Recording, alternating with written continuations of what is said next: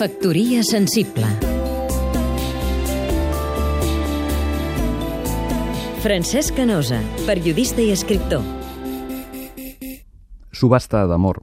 Subhasta de les cartes de la pintora mexicana Frida Kahlo i el pintor català Josep Bartolí. Cartes secretes, carnals, tendres, apassionades. Amor d'uf, uf. Amor d'un català exiliat a Mèxic als anys 40 un home que arriba a Veracruz amb el Niassa, el vaixell portuguès que du 800 refugiats republicans de tot l'estat, 200 catalans. Per aquí deambula Bartolí, pintant l'esperança blava. Ho explica el gran cronista de l'exili Artur Bladei de Zumbila, a De França Mèxic, dietari d'un viatge, publicat per Duxelm. Travessia de marejos existencials, de por sense biodramina, de misèries de paper de fumar, de pal de fregar de realisme brut, de vomitar el pitjor que té l'ésser humà. La història de la nena catalana de 8 mesos morta de bronconeumonia és per deixar de creure en tot. El petit fèretre té per capçalera la bandera catalana i la portuguesa. Quan entren a la vetlla els republicans espanyols s'indignen, volen la bandera espanyola. L'exigeixen, amb paraules d'incomprensió, rancúnia, odi.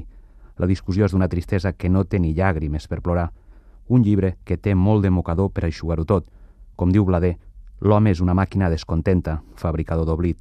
Només li faltava dir que l'amor, a vegades, només es troba pintat a l'art.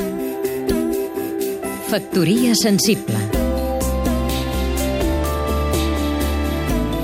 Seguim-nos també a catradio.cat